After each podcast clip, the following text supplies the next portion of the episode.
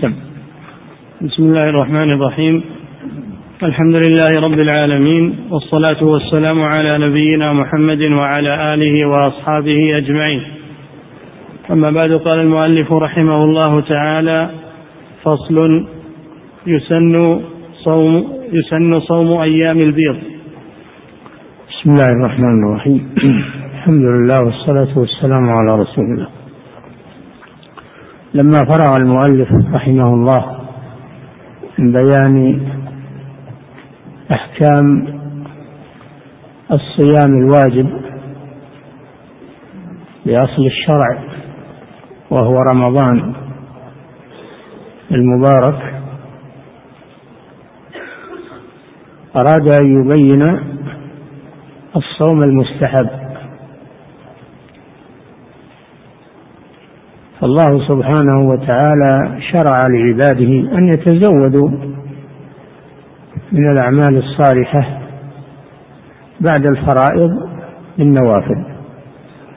كما في الحديث القدسي أن الله جل وعلا يقول ما تقرب إلي عبدي بشيء أحب إلي مما افترضته عليه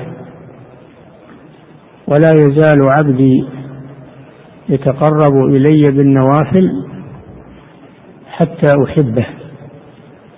فإذا أحببته كنت سمعه الذي يسمع به وبصره الذي يبصر به إلى آخر الحديث.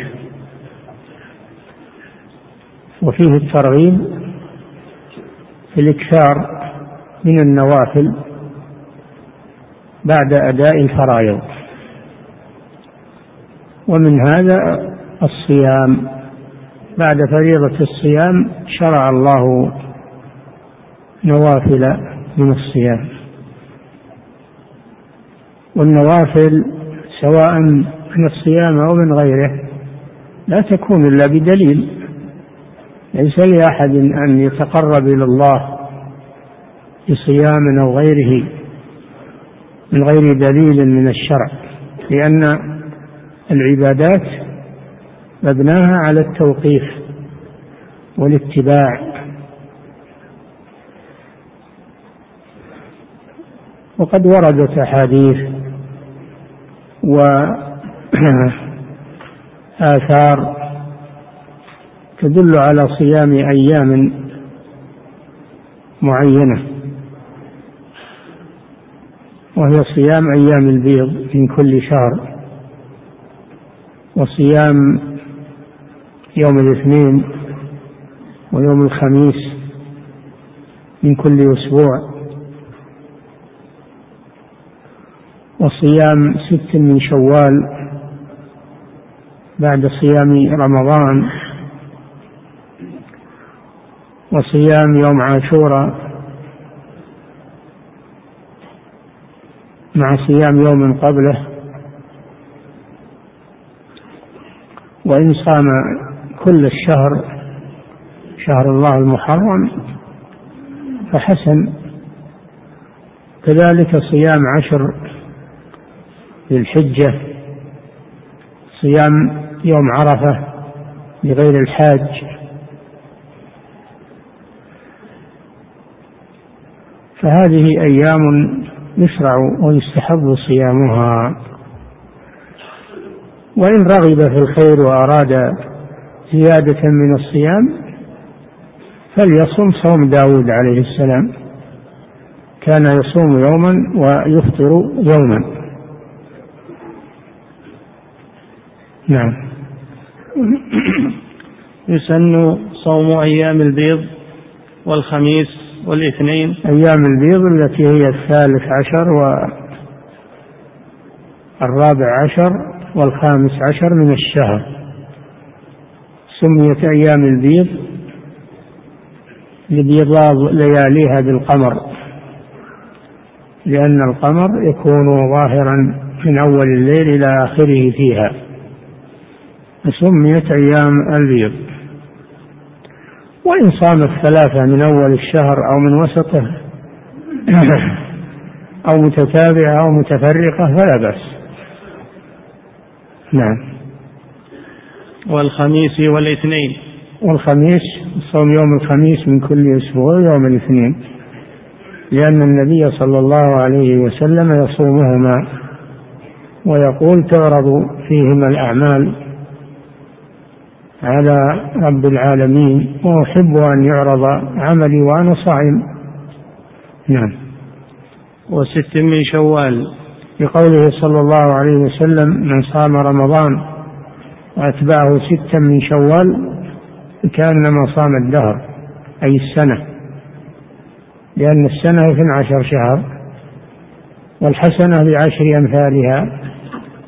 فرمضان عن عشرة أشهر والست من شوال عن شهرين. فكأنه صام السنة كلها في الفضل والأجر. هذا فضل عظيم. نعم. وشهر الله المحرم. و... نعم. شهر الله المحرم. وأكده يوم العاشر يوم عاشوراء. نعم. وأكده العاشر ثم التاسع. ثم التاسع لقوله صلى الله عليه وسلم صوموا يوما قبله خالف اليهود. لأن اليهود يصومون يوم عاشوراء.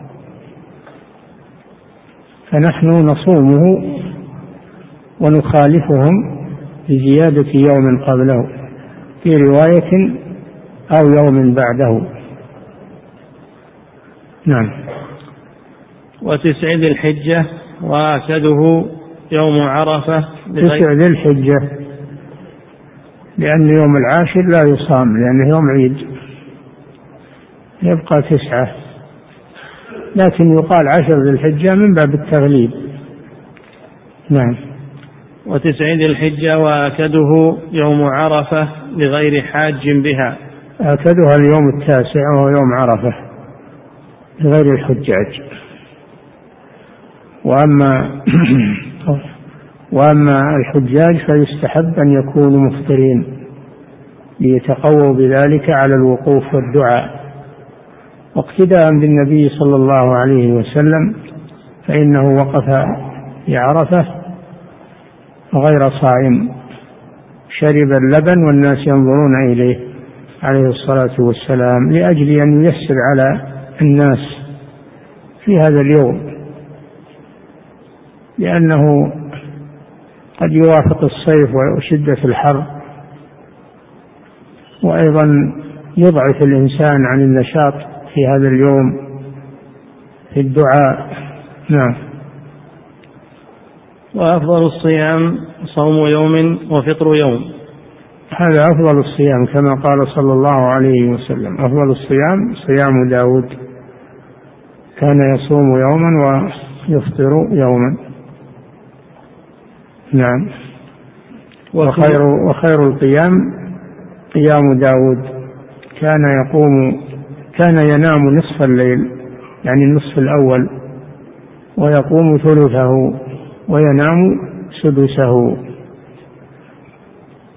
يعني جوف الليل هذا وقت قيام داود عليه السلام.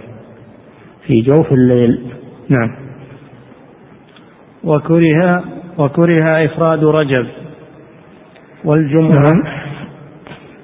وكره. وكره إفراد رجب والجمعة. والسبت والشك. فيها أيام يحرم صومها وأيام يكره صومها. الأيام التي يحرم صومها أي يوم عيد الفطر ويوم عيد الأضحى وأيام التشريق لغير الحاج الذي لا يجد هدي التمتع. فأيام العيد وأيام التشريق أيام أكل وشرب وذكر لله سبحانه وتعالى فيحرم صومها. وكذلك يحرم على الحائض أن تصوم وقت الحيض. والنفاس. وهناك أيام يكره صيامها. وهي صوم رجب خصوصا. إذا خصه بالصيام لأنه لم يرد بتخصيصه دليل إلا عند المبتدعة فإنهم وكانوا في الجاهلية أيضا يعظمون شهر رجب ويحدثون فيه بدعا ما أنزل الله بها من سلطان. ويخصونه بها فهو ليس له خاصية من بين الشهور إلا أنه شهر محرم هو أحد الأشهر الحرم التي يحرم فيها القتال. ليس له فضيلة خاصة به. فمن خصه بعبادة دون غيره فهو مبتدع. أما إذا صامه مع غيره أو كان يصوم يوما ويفطر يوما فلا مانع يدخل تبعا. نعم. وكره إفراد رجب والجمعة. الثانية الجمعة. الجمعة صح الحديث في النهي عن صيامها لأنها يوم عيد هي عيد الأسبوع يحرم صوم يوم الجمعة للنهي عن ذلك. وقيل يكره كراهية تنزيه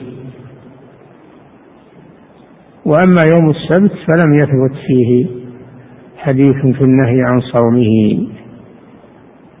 الحديث الوارد فيه لا يصح. لكن بعض الناس يصومه مخالفة لليهود لأنه يوم عيد اليهود يوم عيد اليهود يأكلون فيه ويشربون وينبسطون بعض المسلمين يريد أن يخالفهم فيصوم يوم السبت. ولكن لم يثبت في هذا شيء. لم يثبت لا في صيامه ولا في النهي عن صيامه لم يثبت فيه شيء. نعم. وكره إفراد رجب والجمعة والسبت والشك. ويوم الشك في يوم ثلاثين كما سبق. يوم الثلاثين من شعبان. إذا لم يرى الهلال في وجود غيم أو قتر لا يدرى هل هو ظهر الهلال أو لا. هذا شك. أما إذا أصبحوا أما إذا لم إذا إذا كان الجو صافيا ليس هناك مانع من رؤيته ليلة الثلاثين من شعبان فهذا بالإجماع لا يصام. بالإجماع لا يصام. قوله صلى الله عليه وسلم صوموا لرؤيته وأفطروا لرؤيته. وليس هناك مانع من رؤيته. ولم يرى فدل على أنه لم يظهر. وأن الشهر كامل ثلاثين يوما. إنما الخلاف إذا لم يدرى هل هو ظهر الهلال أو لا بسبب الغيم والقتر.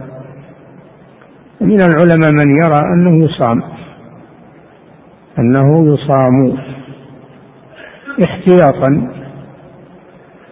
لأنه يحتمل أنه من رمضان. والجمهور على أنه يحرم صومه.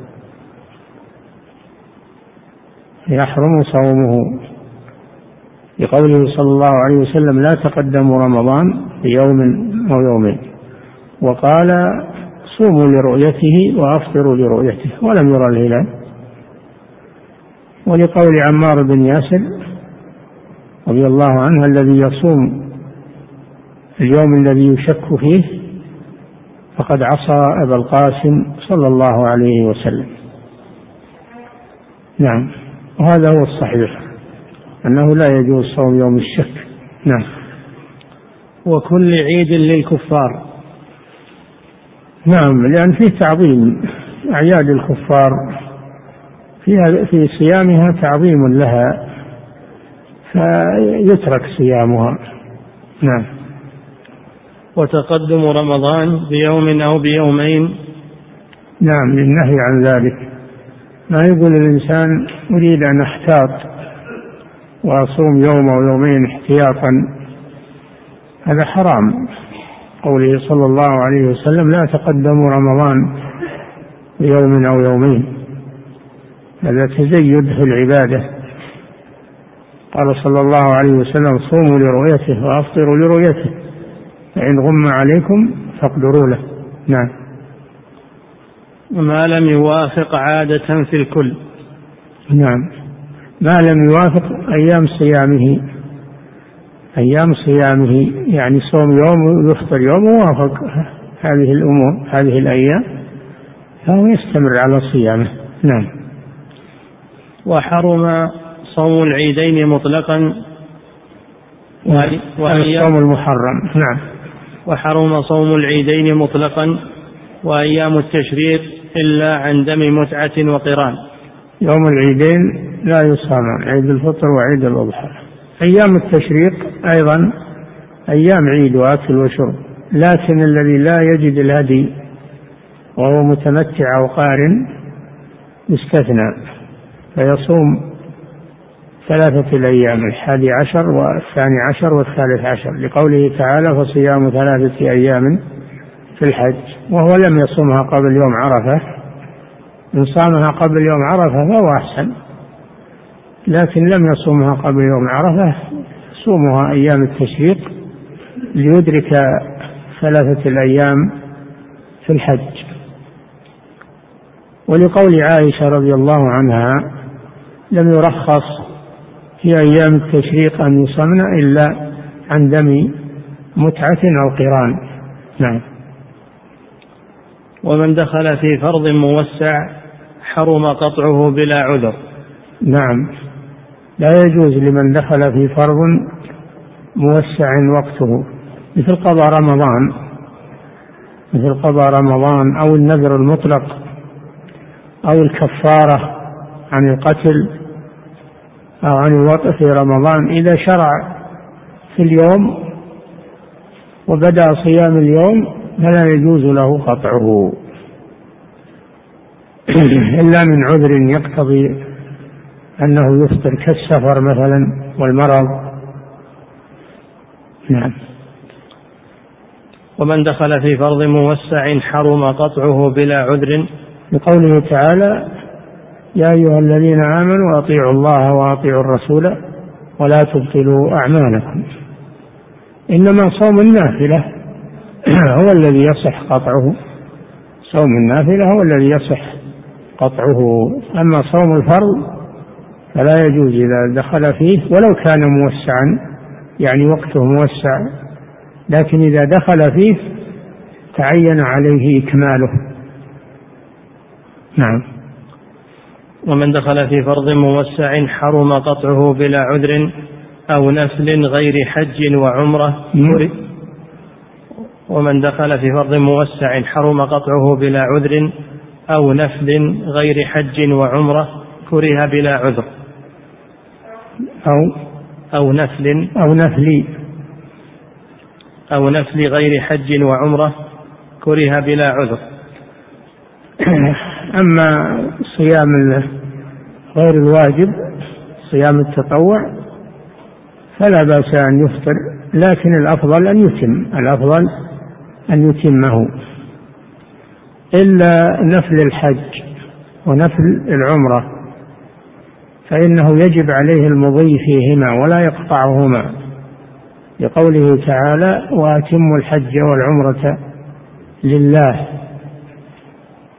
ولقوله تعالى فمن فرض فيهن الحج يعني فرض يعني أحرم فإذا أحرم فرض على نفسه. وإن كان قبل الإحرام نافلة لكن إذا أحرم به وجب عليه إكماله ولا يخرج من إحرامه إلا بأداء المناسك مناسك الحج أو مناسك العمرة. قوله تعالى وأتموا الحج والعمرة لله ولقوله فمن فرض فيهن الحج يعني أحرم فسمى الإحرام فرضا. لأنه يوجب عليه المضي. نعم. وهذا شيء يغفل عنه الجهال أو بعض الجهال. تجدهم يحرمون بالحج أو بالعمرة ثم يرفضون الإحرام لأدنى سبب أو بدون سبب حتى. مثلا يجد زحاما شديدا وقت العمرة خصوصا إذا جاء في آخر رمضان ووجد الزحام قال من الملزوم ثم خلع الإحرام ورجع إلى هذا حرام. هذا حرام ولا ولا ينخلع الإحرام. يبقى محرما حتى يؤدي العمرة. يجب التنبه لمثل هذا. نعم. فصل. والاعتكاف سنة. نعم. ذكر الاعتكاف بعد الصيام لأنه يستحب أن يكون المعتكف صائما ولأن النبي صلى الله عليه وسلم كان يعتكف في رمضان. فالاعتكاف عبادة عظيمة تفعل في أي وقت لكن في رمضان أفضل. في رمضان أفضل اقتداء بالنبي صلى الله عليه وسلم. والاعتكاف في اللغة هو المكث في المكان. هو المكث في المكان. كما قال تعالى أتوا على قوم يعكفون على أصنام لهم يعني يقيمون عند أصنامهم يتقربون يتقربون إليها. جاوزنا ببني إسرائيل البحر فأتوا على قوم يعكفون على أصنام لهم. هذا اعتكاف لغوي وهو المكوث في المكان. هذا تعريفه في اللغة. أما تعريفه في الشرع فهو لزوم المسجد لزوم مسجد تقام فيه صلاة الجماعة من أجل التقرب إلى الله عز وجل. هذا هو الاعتكاف الشرعي. لزوم مسجد تقام فيه صلاة الجماعة لأجل التفرغ للعبادة وهو مستحب ومؤكد سنة مؤكدة. ويجوز في أي وقت من الأوقات ويجوز في أي مسجد من المساجد التي تقام فيها الجماعة. قوله تعالى ولا تباشروهن وأنتم عاكفون في المساجد. نعم.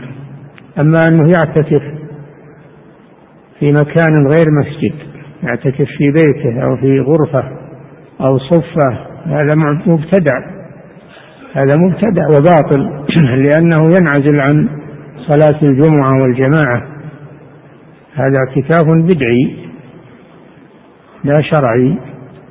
لأنه يقطعه عن صلاة الجمعة والجماعة. نعم.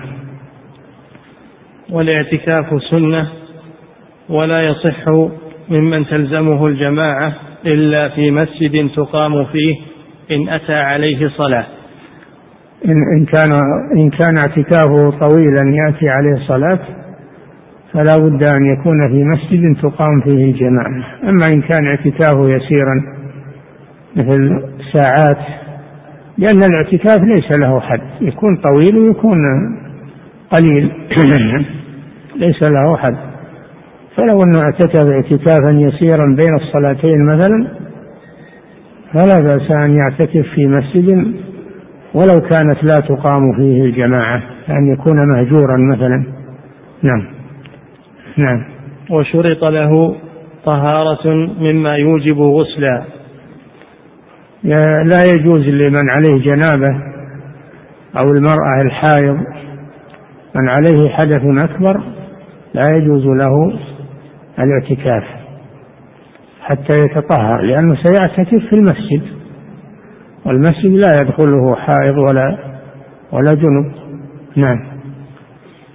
وإن نذره نعم. وإن نذره أو الصلاة في مسجد غير الثلاثة فله فعله في غيره. وفي إذا النذر سنة مستحب. إلا إذا نذره إذا نذره فإنه يجب. قوله صلى الله عليه وسلم من نذر أن يطيع الله فليطيعه ومن نذر أن يعصي الله فلا يعصيه. وسأل عمر بن الخطاب رضي الله عنه رسول الله صلى الله عليه وسلم أنه نذر أن يعتكف ليلة في المسجد الحرام. قبل أن يسلم نذر في الجاهلية أن يعتكف ليلة في المسجد الحرام. فقال له صلى الله عليه وسلم أوف بنذرك.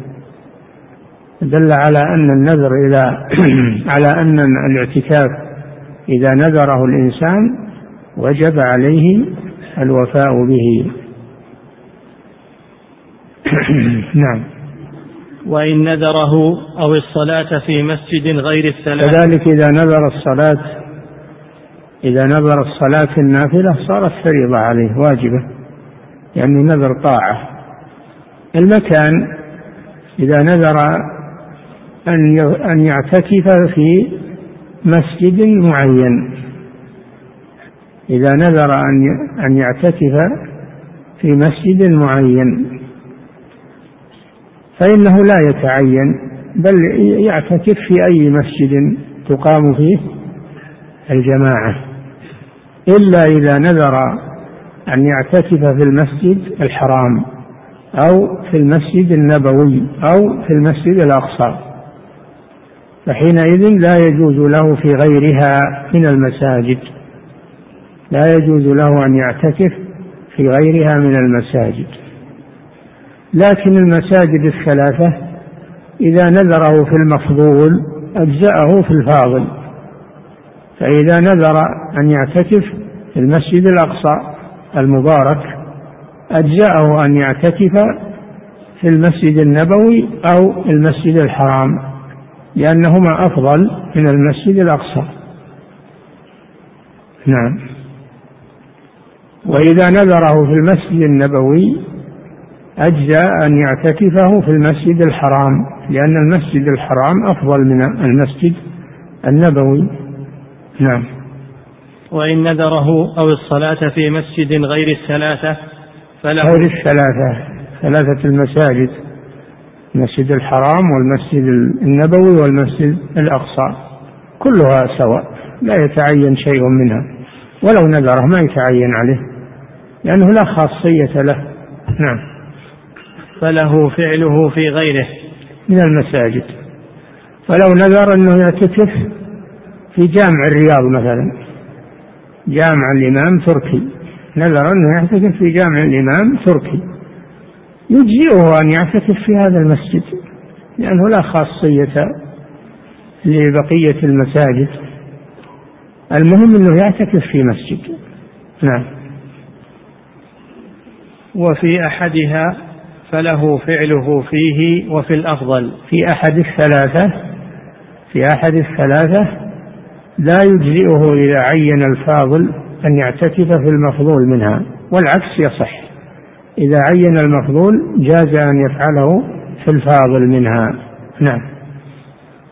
وأفضلها المسجد الحرام ثم مسجد النبي صلى الله عليه وسلم فالأقصى بقوله صلى الله عليه وسلم لا تشد الرحال إلا إلى ثلاثة المساجد المسجد الحرام ومسجدي هذا والمسجد الأقصى. لأن هذه مساجد الأنبياء عليهم الصلاة والسلام. فالمسجد الحرام هو مسجد إبراهيم والمسجد النبوي مسجد نبينا محمد صلى الله عليه وسلم والمسجد الأقصى مسجد إسحاق بن إبراهيم أو مسجد يعقوب أو مسجد يعقوب ابن إسحاق. فهي مساجد الأنبياء فلذلك صار لها خاصية. على غيرها. وأفضلها المسجد الحرام ثم المسجد النبوي ثم المسجد الأقصى لأن النبي صلى الله عليه وسلم رتبها بهذا اللفظ. رتبها بهذا اللفظ. وأيضا في الثواب صلاة في المسجد الحرام عن مائة ألف صلاة. صلاة في المسجد النبوي عن ألف صلاة. صلاة في المسجد الأقصى عن خمسمائة صلاة. نعم. ولا يخرج من اعتكف منذورا متتابعا إلا لما لا بد منه. نعم. المعتكف المعتكف في المسجد لا يخرج لا لا يخرج لأنه إذا خرج لأنه إذا خرج فإنه ينقص. خروجه ينقص من اعتكافه. لكن إن كان إن كان الاعتكاف مستحبا غير منذور فإنه ينبغي ألا يخرج. يستحب أن لا يخرج.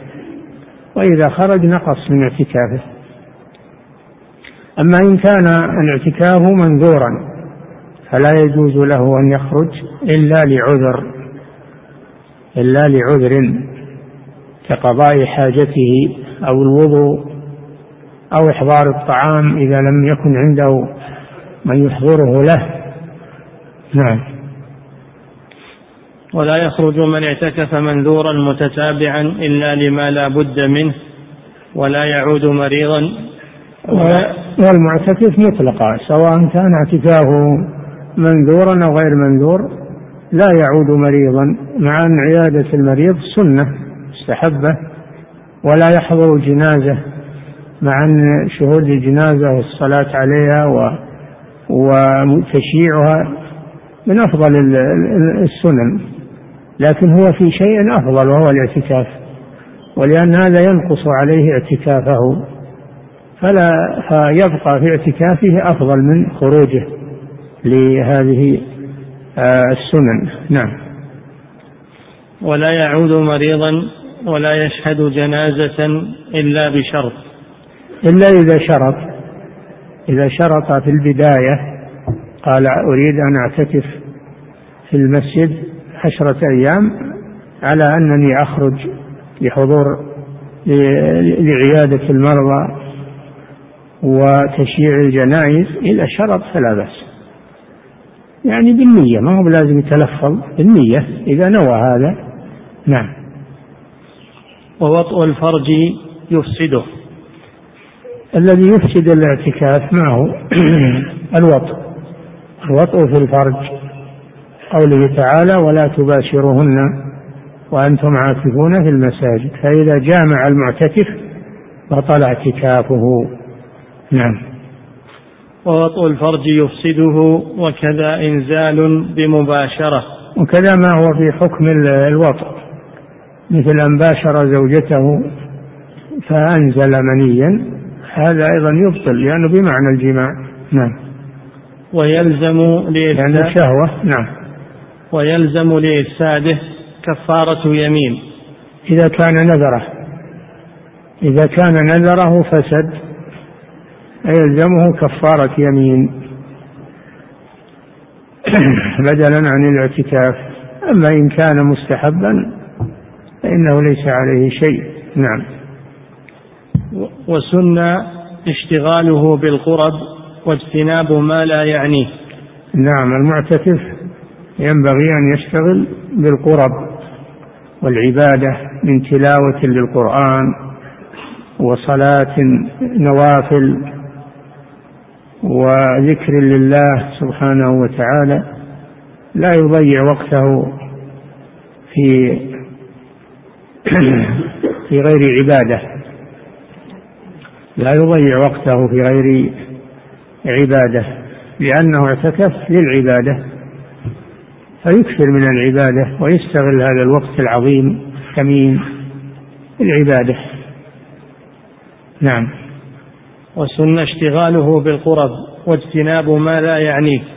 اجتناب ما لا ما لا يعنيه. لقوله صلى الله عليه وسلم من حسن إسلام المرء تركه ما لا يعنيه. هذا حديث عام لكن هو في حق المعتكف من باب أولى. نعم. كتاب الحج والعمرة. نعم لما انتهى من من الأركان الثلاثة الصلاة والزكاة. الصلاة والزكاة والصيام انتقل إلى الركن الرابع من الأركان العملية والخامس هو الشهادتان. الشهادتان. انتقل إلى الحج وهو الأخير من الأركان. هو الأخير من الأركان.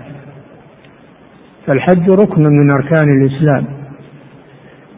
كما قال صلى الله عليه وسلم الإسلام أن تشهد أن لا إله إلا الله وأن محمدا رسول الله وتقيم الصلاة وتؤتي الزكاة وتصوم رمضان وتحج البيت إن استطعت إليه سبيلا. والله جل وعلا قال ولله على الناس حج البيت من استطاع إليه سبيلا. فهو الركن الخامس من أركان الإسلام. واختلف العلماء في وقت فرضيته فقيل في الخامسة من الهجرة وقيل في السادسة وقيل في السنة التاسعة وهذا هو المشهور وقيل في السنة العاشرة. فالراجح والله أعلم أنه في السنة التاسعة. فرض على النبي صلى الله عليه وسلم في السنة التاسعة. لكنه لم يحج في تلك السنة لأن البيت مشغول بالمشركين والعراة الذين يطوفون به بقايا الجاهلية. فأرسل النبي صلى الله عليه وسلم أبا بكر فحج بالناس في السنة العاشرة وأرسل معه عليا ينادي أن لا يحج بعد هذا العام مشرك ولا يطوف بالبيت عريان. فلما طهر البيت من المشركين ومن العراة حج النبي صلى الله عليه وسلم في السنة العاشرة. لا شك أنه حج في السنة العاشرة عليه الصلاة والسلام. نعم. كتاب الحج والعمرة. يجبان هذا الحج. الحج تعريفه هو قصد البيت الحج في اللغة هو القصد هو القصد. وأما في الشرع فهو قصد البيت الحرام لأداء المناسك لأداء المناسك من حج أو أو عمرة. وأما العمرة في اللغة فهي الزيارة العمرة في اللغة هي الزيارة. وفي الشرع العمرة زيارة البيت الحرام لأداء مناسك العمرة تقربا إلى الله سبحانه وتعالى. نعم. يجبان على المسلم الحر. شروط وجوب الحج والعمرة. خمسة. الأول الإسلام. فالكافر لا يطالب بالحج حتى يسلم. لأنه لو حج وهو كافر لم يصح حجه.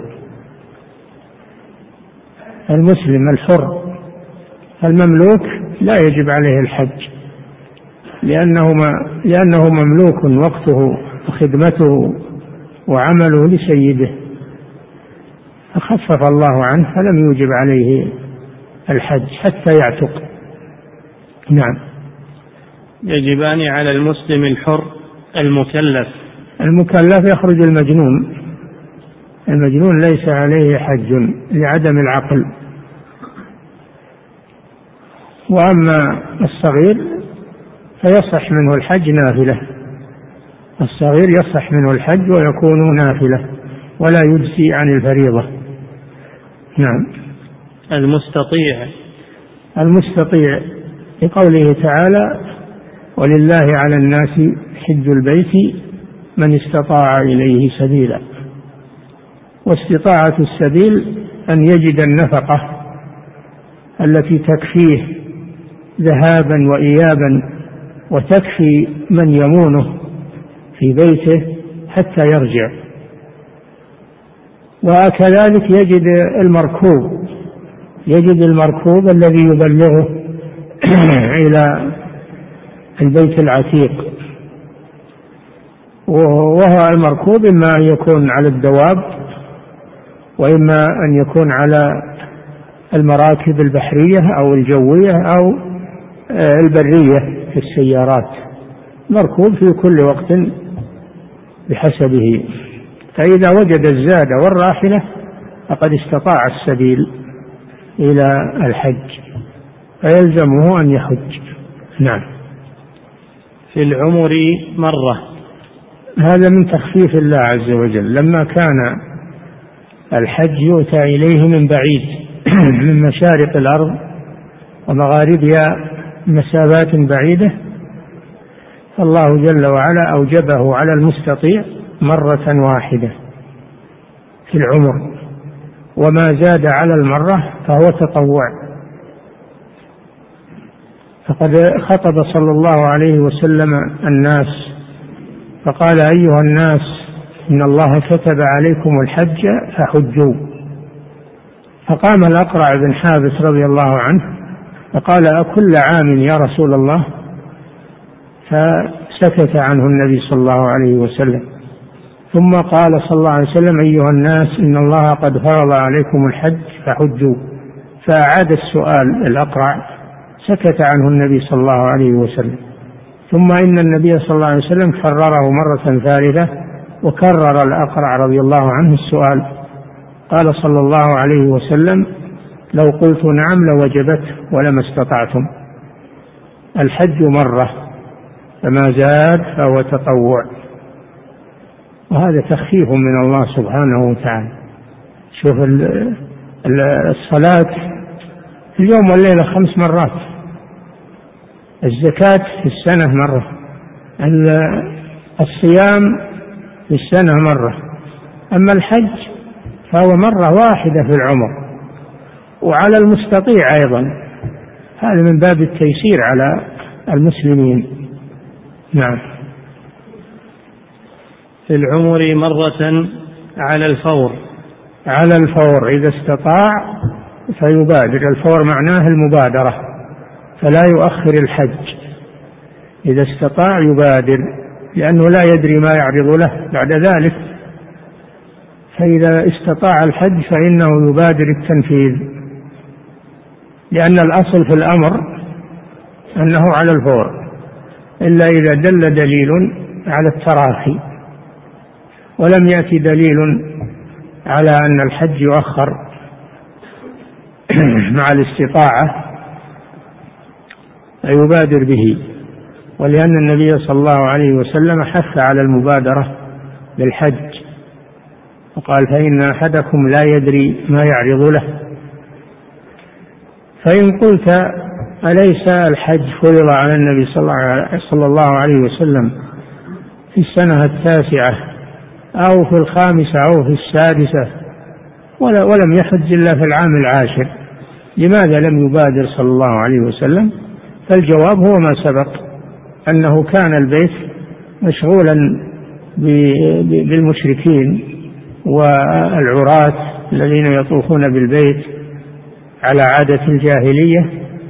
النبي صلى الله عليه وسلم تأخر إلى أن تطهر إلى أن إلى أن تطهر البيت من هؤلاء. فحج صلى الله عليه وسلم فتأخره صلى الله عليه وسلم لعذر. نعم. فإن زال مانع حج بعرفة وعمرة قبل طوافها. نعم. إذا بلغ الصبي مثلا إذا بلغ الصبي أو تحرر المملوك أو أسلم الكافر زال المانع من الحج فإن كان في عرفة فإنه يحرم ويؤدي الحج. أما إذا كان بعد يوم عرفة زال المانع بعد يوم عرفة فإنه لا يحرم. لأنه فات الوقوف ومن فاته الوقوف فاته الحج. نعم.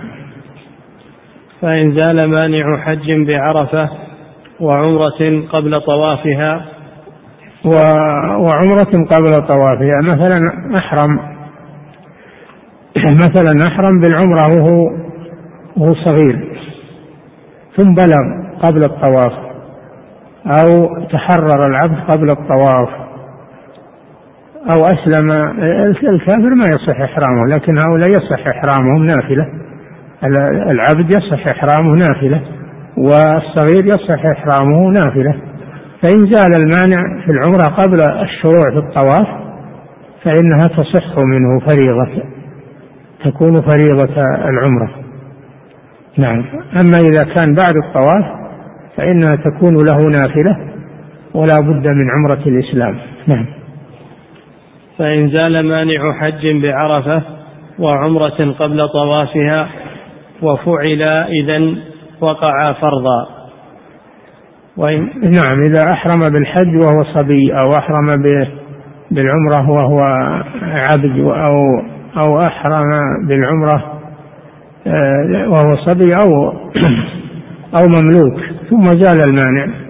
بلغ الصبي وتحرر العبد.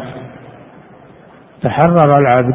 فإنه إن كان قبل يوم عرفة فإنه يصح فريضة. وإن كان بعد يوم عرفة فإنه يكون نافلة. ولا بد من أداء الفريضة. نعم.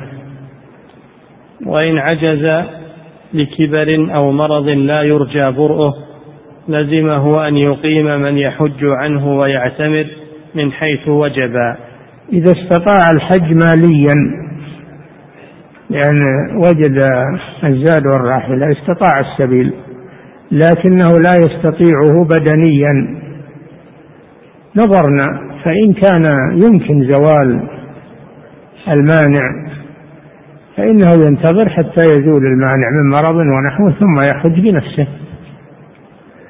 أما إن كان المانع لا يرجى زواله لأن كان كبيرا هرما أو مريضا مرضا مزمنا لا يستطيع معه الحج فإنه يوكل من يحج عنه.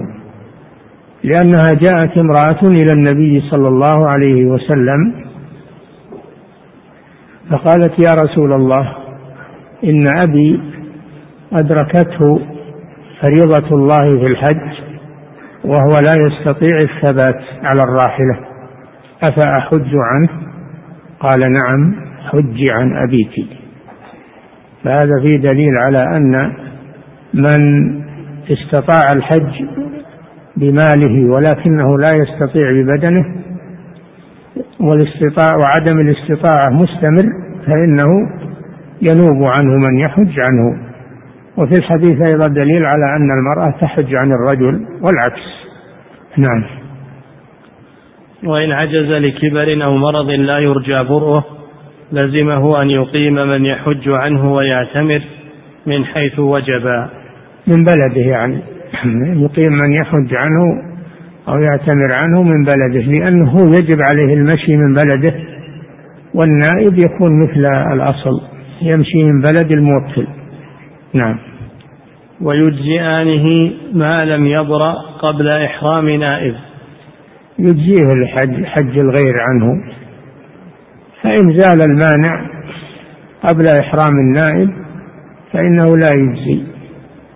أما إذا أحرم النائب ثم زال المانع الموكل بعد إحرام النائب فإنه يمشي ويستمر ويجزي. نعم.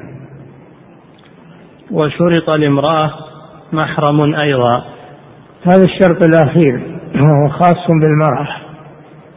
إذا توافرت عندها الشروط لكنها لا تجد محرما. فإنه لا يجب عليها الحج. لأنه لا يحل لها أن تسافر بدون محرم.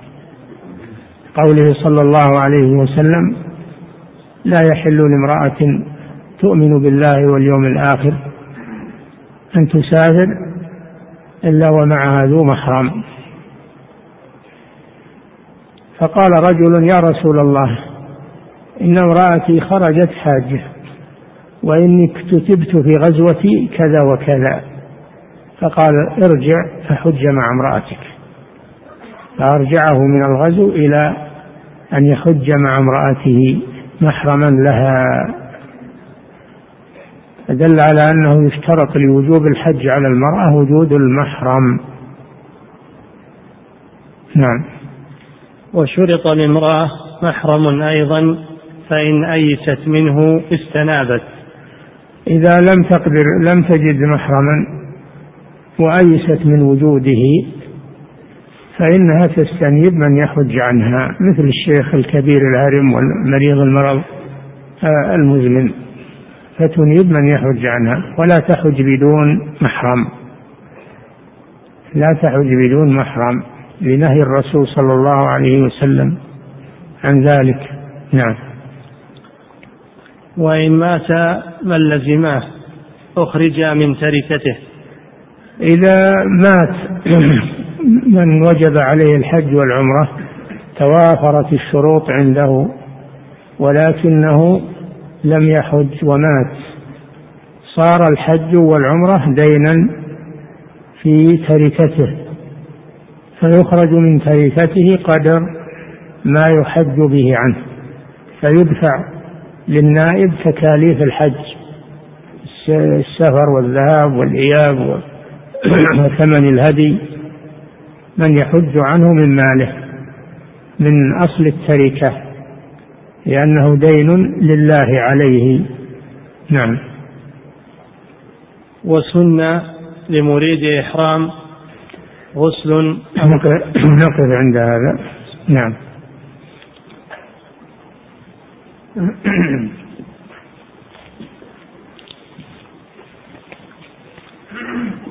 يقول فضيلة الشيخ وفقكم الله. من كان يصوم يوما ويفطر يوما فإنه قد يصادف إفراد صوم يوم الجمعة أو يوم السبت. فهل هذا جائز؟ نعم لأنه لم يقصد الجمعة ولا السبت.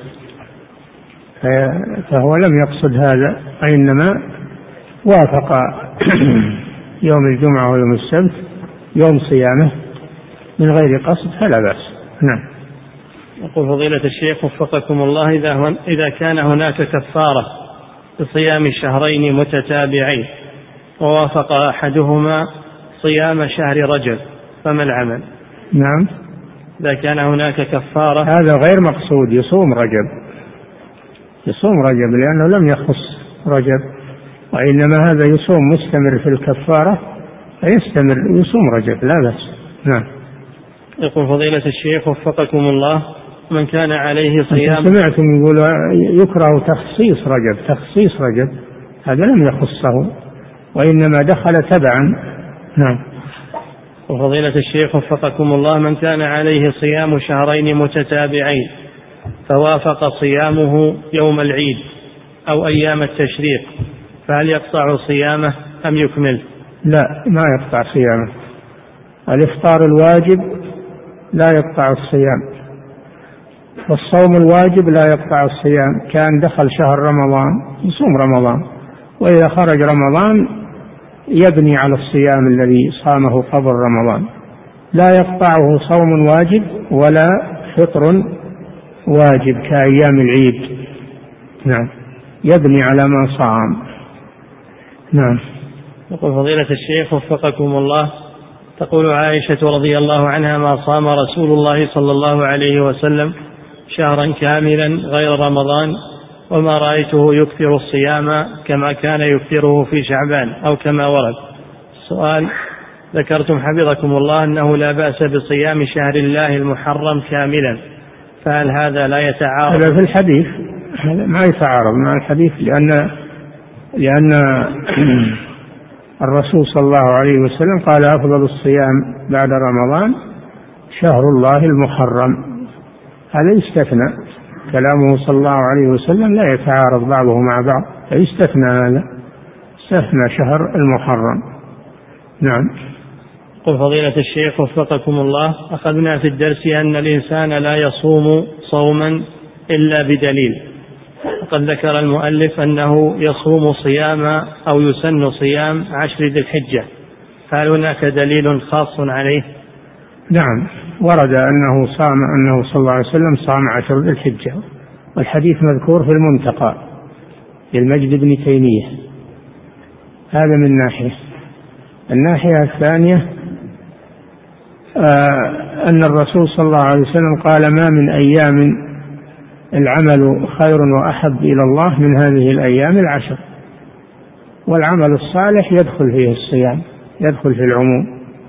ومن أفضل الأعمال. وقد صدرت فيه فتوى من اللجنة الدائمة ردا على من زعم أنه لا دليل على صوم عشر ذي الحجة. نعم. يقول فضيلة الشيخ وفقكم الله قول المؤلف رحمه الله ما لم يوافق عادة في الكل. نعم. يقول قول المؤلف رحمه الله ما لم يوافق عادة في الكل. فلو كان له عادة أن يصوم الأيام البيض وهو لم يحج تلك السنة فهل له أن يصوم الثالث عشر والرابع عشر والخامس عشر؟ مع العلم أن الثالث هذه عيد يا أخي مستثنات. ما يجوز صيامها. ما يجوز صيامها لأنها من أيام عيد أيام أكل وشرب وذكر لله عز وجل فلا تدخل. نعم. يقول فضيلة الشيخ وفقكم الله إذا اشترط المعتكف أن يكون نومه في بيته بالليل فقط فهل يصح هذا الشرط؟ يصح لكن ينقص اعتكافه. يصير ما الليل ما له أجر فيه. ينقص عليه الاعتكاف. نعم. يقول فضيلة الشيخ وفقكم الله هل يباح الصيام؟ شكرا لله سبحانه وتعالى لمن اشترى بيتا أو غير ذلك أو حصل له شيء يسره؟ لا. لا يسن صيام إلا بدليل ولا ورد أن اللي يسكن بيت أول ما يسكن يصوم هذه بدعة. لا, لا, لا صيام إلا بدليل. نعم. يقول فضيلة الشيخ وفقكم الله بعض الناس ينذر الصيام في رجب لأنهم يعتقدون فضله.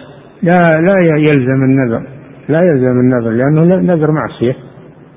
من نذر أن يعصي الله فلا يعصى نعم. بدعة لأنه يصير بدعة. نعم. يقول فضيلة الشيخ وفقكم الله أيهما أفضل أن أقوم بالاعتكاف في أواخر شهر رمضان أو أقوم بزيارة الوالدين وبرهم وبخاصة أنهم في منطقة غير, غير التي أسكنها؟ لا شك أن البر بالوالدين وزيارتهم أفضل من الاعتكاف. نعم. يقول فضيلة الشيخ وفقكم الله ما الفرق بين يوم الشك وبين قول المؤلف تقدم رمضان بيوم أو يومين؟ نعم تقدم يوم الشك يعني. يصوم مثلا يوم 28 ويوم 29 هذا المقصود باليوم أو اليومين. نعم.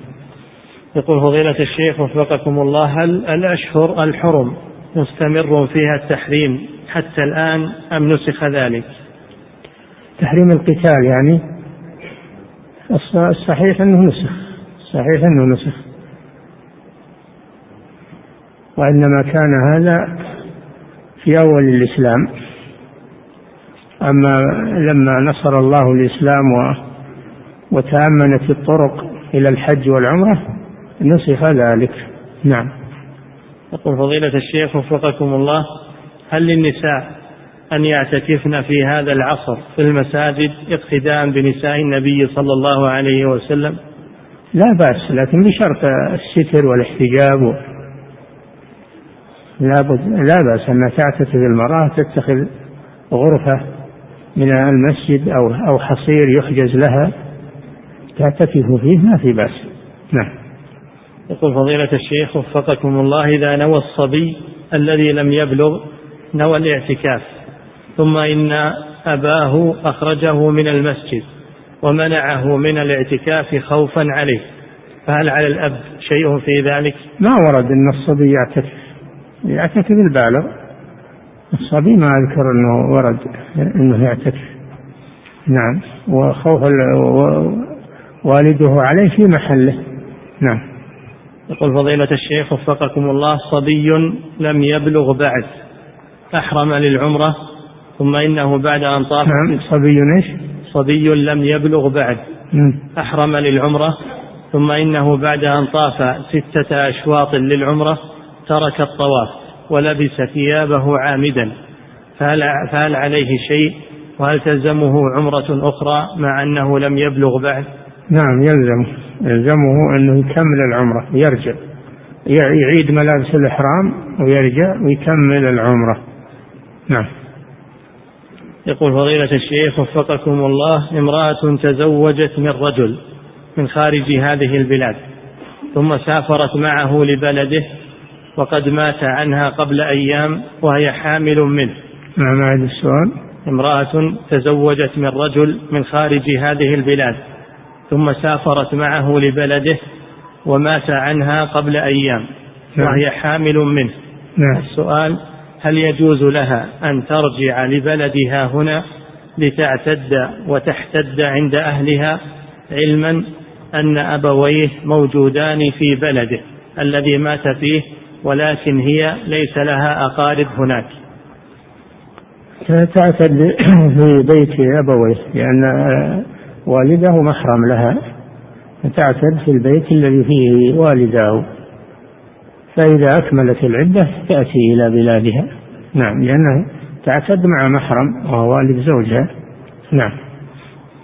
يقول فضيلة الشيخ وفقكم الله هل للإنسان أن ينوي الاعتكاف وقت حضور الدرس أو وقت دخوله لصلاة القيام في رمضان على أن ينتهي اعتكافه بانتهاء القيام أو الدرس؟ ذكر الفقهاء أنه له ذلك لكن ما عليه دليل ما عليه دليل يعني.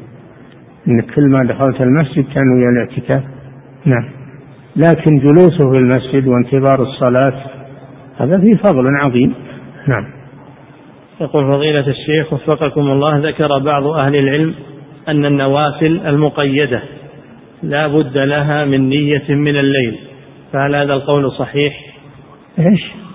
ذكر بعض أهل العلم أن النوافل المقيدة لا كيف, كيف النوافل؟ يعني الصيام قصده هذا الظاهر.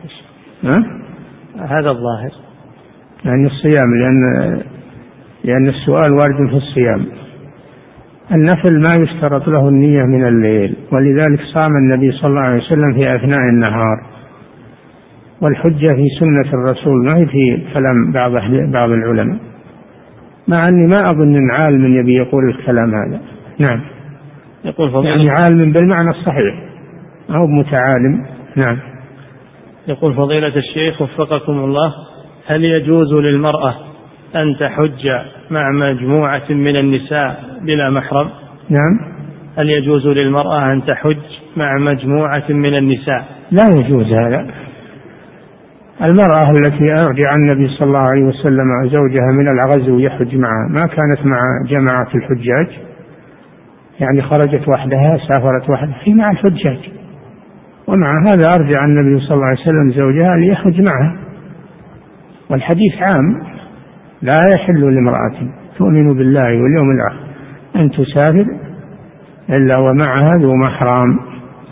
ولم يقل إلا إذا كانت مع جماعة من النساء. نعم. يقول فضيلة الشيخ وفقكم الله إذا كانت المرأة من أهل مكة فهل يجوز لها أن تحج من دون محرم؟ نعم مكة ليست سفرا. ليست سفرا فإذا خرجت للحج بنفسها فلا بأس فلا يلزم المحرم في الحج لأنه ليس سفرا. نعم. لأنه من ضواحي البلد. نعم. يقول فضيلة الشيخ وفقكم الله الأيام البيض هل تبدأ من الثالث عشر أو تبدأ من الرابع عشر؟ الثالث عشر والرابع عشر والخامس عشر. هذه البيض نعم. يقول فضيلة الشيخ وفقكم الله من المعلوم أن صيام الاثنين والخميس مشروع بالأدلة ونسمع من الشباب أنه يوصي بعضهم بعضا بأنهم يقولوا غدا نصوم يوم الاثنين أو الخميس ثم يفطرون فطورا جماعيا عند فلان فهل هذا العمل سائغ؟ لا هذا ما هو سائغ هذا مبتدع كل يصوم لوحده ويفطر لوحده أما إذا تواطؤوا واتفقوا على هذا هذا بدعة. لكن لو صادف أنهم اجتمعوا وافطروا الجميع ما في معنى من دون ميعاد وبدون اشتراط. أما هذه الاشتراطات وهذه الاتفاقيات هذه لا تجوز إنها بدعة. نعم. يقول فضيلة الشيخ وفقكم الله من أراد الاعتكاف في العشر الأواخر من رمضان فهل يبدأ اعتكافه من مغرب شمس يوم العشرين أو من غروب شمس يوم العشرين أم فجر يوم إحدى وعشرين؟ لا يدخل المعتكف بعد بعد الغروب في بداية الليل. في بداية الليل. نعم. يقول فضيلة الشيخ وفقكم الله امرأة ندرت أن تقرأ القرآن كل شهر إذا هي نجحت ثم حصل لها ذلك ففعلت ما نذرت بضعة أشهر ثم عجزت. فما حكم؟ نذرت إيش؟ أن تقرأ القرآن كل شهر. نعم. إن هي نجحت. م. ثم حصل لها ذلك ففعلت ما نذرت بضعة أشهر ثم عجزت عن ذلك. فما حكمها؟ يلزمها النذر قوله صلى الله عليه وسلم من نذر أن يطيع الله فليطيعه يلزمها النذر إلى أن تعجز عجزا صحيحا عجزا حقيقيا. وما أظن أنها تبي تعجز عن قراءة القرآن في اليوم جزء وتكمله في شهر ما أظن تبي تعجز. نعم. لكن كسلت يمكن الكسل. نعم. يقول فضيلة الشيخ وفقكم الله هل يجوز للإنسان أن أن يعتكف في مسجد محطة على طريق سفر؟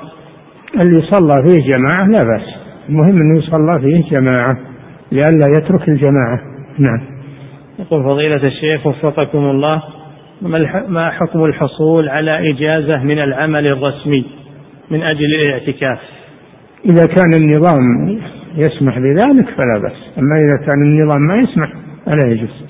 نعم. يقول فضيلة الشيخ وفقكم الله هل الأفضل لمن عليه قضاء قضاء صيام من رمضان أن يقضي الصيام أم يصوم ست ستا من شوال ويؤخر القضاء؟ لا شك أن المتفق مع الحديث أنه يصوم القضاء ثم يصوم الست. قوله صلى الله عليه وسلم من صام رمضان وأتبعه ستا من شوال الذي عليه قضاء ما صام رمضان حتى يقضي. نعم. يقول فضيلة الشيخ وفقكم الله ورد عن عائشة رضي الله عنها أنها قالت كان يكون علي الصوم من رمضان فما أقضيه إلا في شعبان. فهل معنى هذا أنها رضي الله عنها لا تصوم الست من شوال؟ هو الظاهر نعم هو الظاهر. إذا أخرت القضاء لأجل مكان الرسول صلى الله عليه وسلم فتركها للست من باب أولى. نعم. يقول فضيلة الشيخ وفقكم الله أنا طالب جامعي وأغيب بل إن المرأة عموما. المرأة ما تصوم الست إلا برضا زوجها بإذن زوجها ما تصوم صوم النفل إلا بإذن زوجها إذا كان حاضرا. نعم. يقول فضيلة الشيخ وفقكم الله أنا طالب جامعي وأغيب عن بعض المحاضرات فهل مكافأتي التي أستلمها من الجامعة تعد حراما؟ هذا إذا كان غيابك لعذر والنظام يسمح لك بالمكافأة فلا بأس. أما إذا كان آه، غيابك لغير عذر فلا تحل لك المكافأة. نعم. لأنه ما أعطوك المكافأة إلا في مقابل الحضور. إلا في مقابل الحضور والدراسة. نعم. يقول فضيلة الشيخ وفقكم الله إذا أذن السيد لعبده بالحج فهل تسقط عنه حجة الإسلام؟ لا نافلة. نافلة حجة الإسلام بعد ما يعتق. نعم. يقول فضيلة الشيخ وفقكم الله من عجز عن الحج لكبر أو لمرض لا يرجى برؤه فهل يشرع له أن يقيم عنه من يحج عنه نفلا؟ لا هذا ما ورد إلا في الفريضة. ما ورد إلا في الفريضة. النيابة لم ترد إلا في الفريضة عن الحي. أما الميت نعم فيحج عنه نافلة. نعم. يقول فضيلة الميت يحج عنه فريضة إذا لم يكن أدى الفريضة ويحج عنه نافلة إذا كان أدى الفريضة. أما الحي فإنه لا يحج عنه نافلة. نعم. يقول فضيلة الشيخ وفقكم الله هل يجوز أن يحج مسلم عن مسلم آخر بسبب مرضه وعجزه؟ وهو مقيم بالمملكة عن مقيم ببلد آخر وذلك بالاتصال عليه وإبلاغه. إذا كان الشخص الذي في البلد الآخر لا يستطيع الحج بدنيا عجزا مستمرا فلا بأس سواء كان في المملكة أو خارج المملكة لكن كما ذكر السائل يتصل عليه ويأخذ منه الإذن والتوكيل. نعم.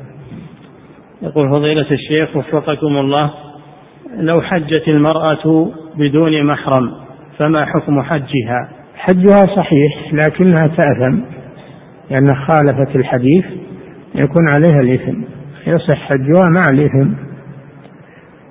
نعم. يقول فضيلة الشيخ وفقكم الله. فوجود المحرم شرط للزوم وليس وليس شرطا للصحة. نعم. يقول فضيلة الشيخ وفقكم الله هل الحافظ من أسماء الله سبحانه حيث إن أحدهم كتبه على محل تجاري فأنكر عليه شخص وقال هذا لا يجوز لأن الحافظ من أسماء الله تعالى فهل هذا القول صحيح؟ كثير من الناس يسمون الحافظ فلان الحافظ حافظ هذا ما هو خاص بالله. نعم. يقول فضيلة الشيخ وفقكم الله هل يشترط نية الجمع بالنسبة للمأموم؟ حيث نعم. إن هل تشترط نية الجمع بالنسبة للمأموم؟ حيث إننا لا نعلم إن الإمام سيجمع. قال صلى الله عليه وسلم إنما جعل الإمام ليتم به فأنتم تبع لإمامكم فإذا جمع تجمعون معه. نعم. يقول فضيلة الشيخ وفقكم الله أنا صليت العشاء وأنا لا أدري أنها صلاة العشاء فبعدما صليتها صليت المغرب فهل فهل علي شيء؟ صليت صليت العشاء قبل المغرب خالفت الترتيب خالفت الترتيب فعليك أن تعيد صلاة العشاء وتكون صلاتك الأولى نافلة لك. نعم. يقول فضيلة الشيخ وفقكم الله أتيت إليكم وأنتم تصلون العشاء وفي ظني أنكم تصلون المغرب فدخلت معكم. فلما قمتم إلى الرابعة قمت معكم. ولما اعتدلت قائما تذكرت ورجعت وجلست. ثم قلت ثم قلت التشهد وسلمت وأدركت معكم ركوعا وأكملت صلاة العشاء. فهل فعلي صحيح؟ المغرب صحيح أما أنك قمت وصليت ركعة من العشاء معنى يعني قسمت الصلاة بين صلاتين هذا لا يصح لا يصح أنك تقسم الصلاة بين المغرب والعشاء نعم يقول فضيلة الشيخ وفقكم الله إذا جمع الإمام العشاء مع المغرب لمطر كما في صلاة المغرب فهل لمن فاتتهم صلاة الجماعة أن يجمعوا كذلك؟ لا.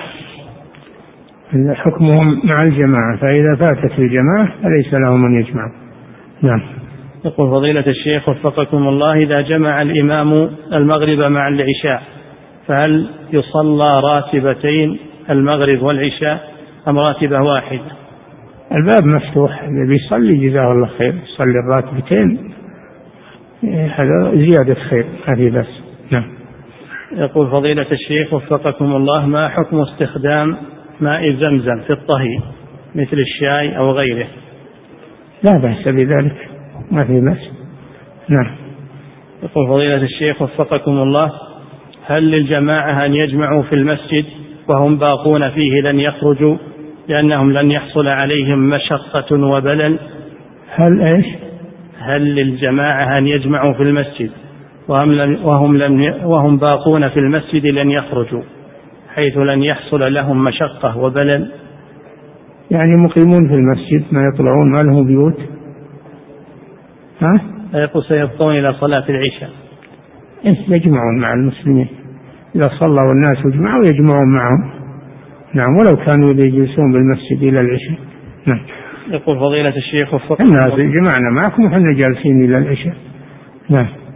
يقول فضيلة الشيخ وفقكم الله اعتكف معي أحد الإخوة في الحرم المكي وهو من إحدى الدول المجاورة حيث إن هذا الشخص مقيم في الرياض وقد طال مكثه عن زوجته وقد أتت زوجته من بلادها في أيام العشر من رمضان في مكة فأشرت عليه بأن يقطع اعتكافه ويذهب إلى زوجته في الفندق فهل مشورتي له صحيحة وصائبة؟ إذا كانت امرأته تحتاج إليه تحتاج إلى حضوره نعم. أما إذا كانت ما تحتاج فيواصل الاعتكاف. نعم. يقول فضيلة الشيخ وفقكم الله من نوى الاعتكاف من بعد صلاة العشاء إلى الفجر ولكن في بيته لكي لا يقع في البدعة لكي لا يقع في البدعة والاعتزال عن الجماعة. فهل له ذلك؟ لا البيت ليس محلا للاعتكاف. الاعتكاف في المساجد. إذا أراد أن يعتكف ليلة يجي في المسجد يبيت في المسجد. من العشاء إلى الفجر. مثل ما فعل عمر رضي الله عنه. نعم. يقول فضيلة الشيخ وفقكم الله. انتشر بين الناس ما يسمونه بالمطر الصناعي أو التلقيح الصناعي للسحب. فما القول في ذلك وفقكم الله؟ وهل هذا واقع؟ هل هذا واقع أنهم يلقحون؟ الله هو الذي يلقح السحاب. وأرسلنا الرياح لواقحة. الله هو الذي ينشئ السحاب ويلقحه ويسوقه ويأمره فيمطر ويأمره فيمنع. هذا كله بتدبير الله عز وجل. نعم. يقول فضيلة الشيخ وفقكم الله تكرار الحج فيه أجر عظيم لمن يستطيع ذلك وأنا يا فضيلة الشيخ أعرف أناسا يحجون بشكل دائم ومتكرر على الرغم من عدم التصريح لهم فهل لي أن أنكر عليهم ذلك أم أتركهم على ما هم عليه؟ أنت ما عليك منهم هذول أمرهم إلى الدولة الدولة هي اللي تتابعهم وتنظم عليهم وتجري عليهم النظام أما أنت اتركهم نعم. يقول فضيلة الشيخ وفقكم الله من نذر أن يصوم في رجب إذا حصل له سلامة قريب أو غيره عشرة أيام مثلا. نعم من نذر أن يصوم في رجب إذا حصل له سلامة قريب؟ ما يجوز نذر الصيام من رجب؟ ما يجوز نذر الصيام من رجب؟ لأنه بدعة تخصيص رجب بدعة. نعم. وهل يحول الصيام إلى شهر آخر؟ لا. لكن بعض العلماء يقول يكفر كفارة يمين. إذا نذر نذرا لا يجوز فلا يفعله ولكن يكفر كفارة يمين. نعم. يقول فضيلة الشيخ وفقكم الله العمرة هل هي واجبة؟ فيها خلاف بين العلماء. والمذهب أنها واجبة نعم. مذهب أنها واجبة في العمر مرة. لقوله صلى الله لقوله صلى الله عليه وسلم لما ذكر أركان الإسلام قال وأن تحج وتعتمر. وأمر وفي رواية أنه أمر الذي حج عن أبيه قال حج عن أبيك واعتمر. الصحيح أنها واجبة. نعم. يقول فضيلة الشيخ وفقكم الله من أفسد اعتكافه فهل يلزمه شيء؟ إن كان نذرا إن كان نذرا فيلزمه كفارة يمين وإن كان ليس نذرا فإنه يبطل ولا ولا أجر له فيه. نعم. يقول فضيلة الشيخ وفقكم الله هل للمعتكف أن أن يخرج لصلاة الجمعة إذا كان مسجده لا يصلى فيه الجمعة؟ لا بد من هذا. لا بد من هذا لأن صلاة الجمعة ما تتكرر في الأسبوع مرة. فلا فيخرج يجب عليه الخروج يصلي الجمعة مع المسلمين. نعم. يقول للمعتكف أن يخرج إلى مسجد آخر لصلاة التراويح أو القيام مع إمام آخر؟ لا هذا لا. يصلي التراويح مع إمام المسجد الذي نذر الاعتكاف فيه. إذا كان لا يزور المريض ولا يشيع الجنازة وهما سنتان مؤكدتان كيف يروح يدور الأصوات الجميلة و... نعم. انتهى. والله تعالى أعلم وصلى الله وسلم على نبينا محمد وعلى آله وصحبه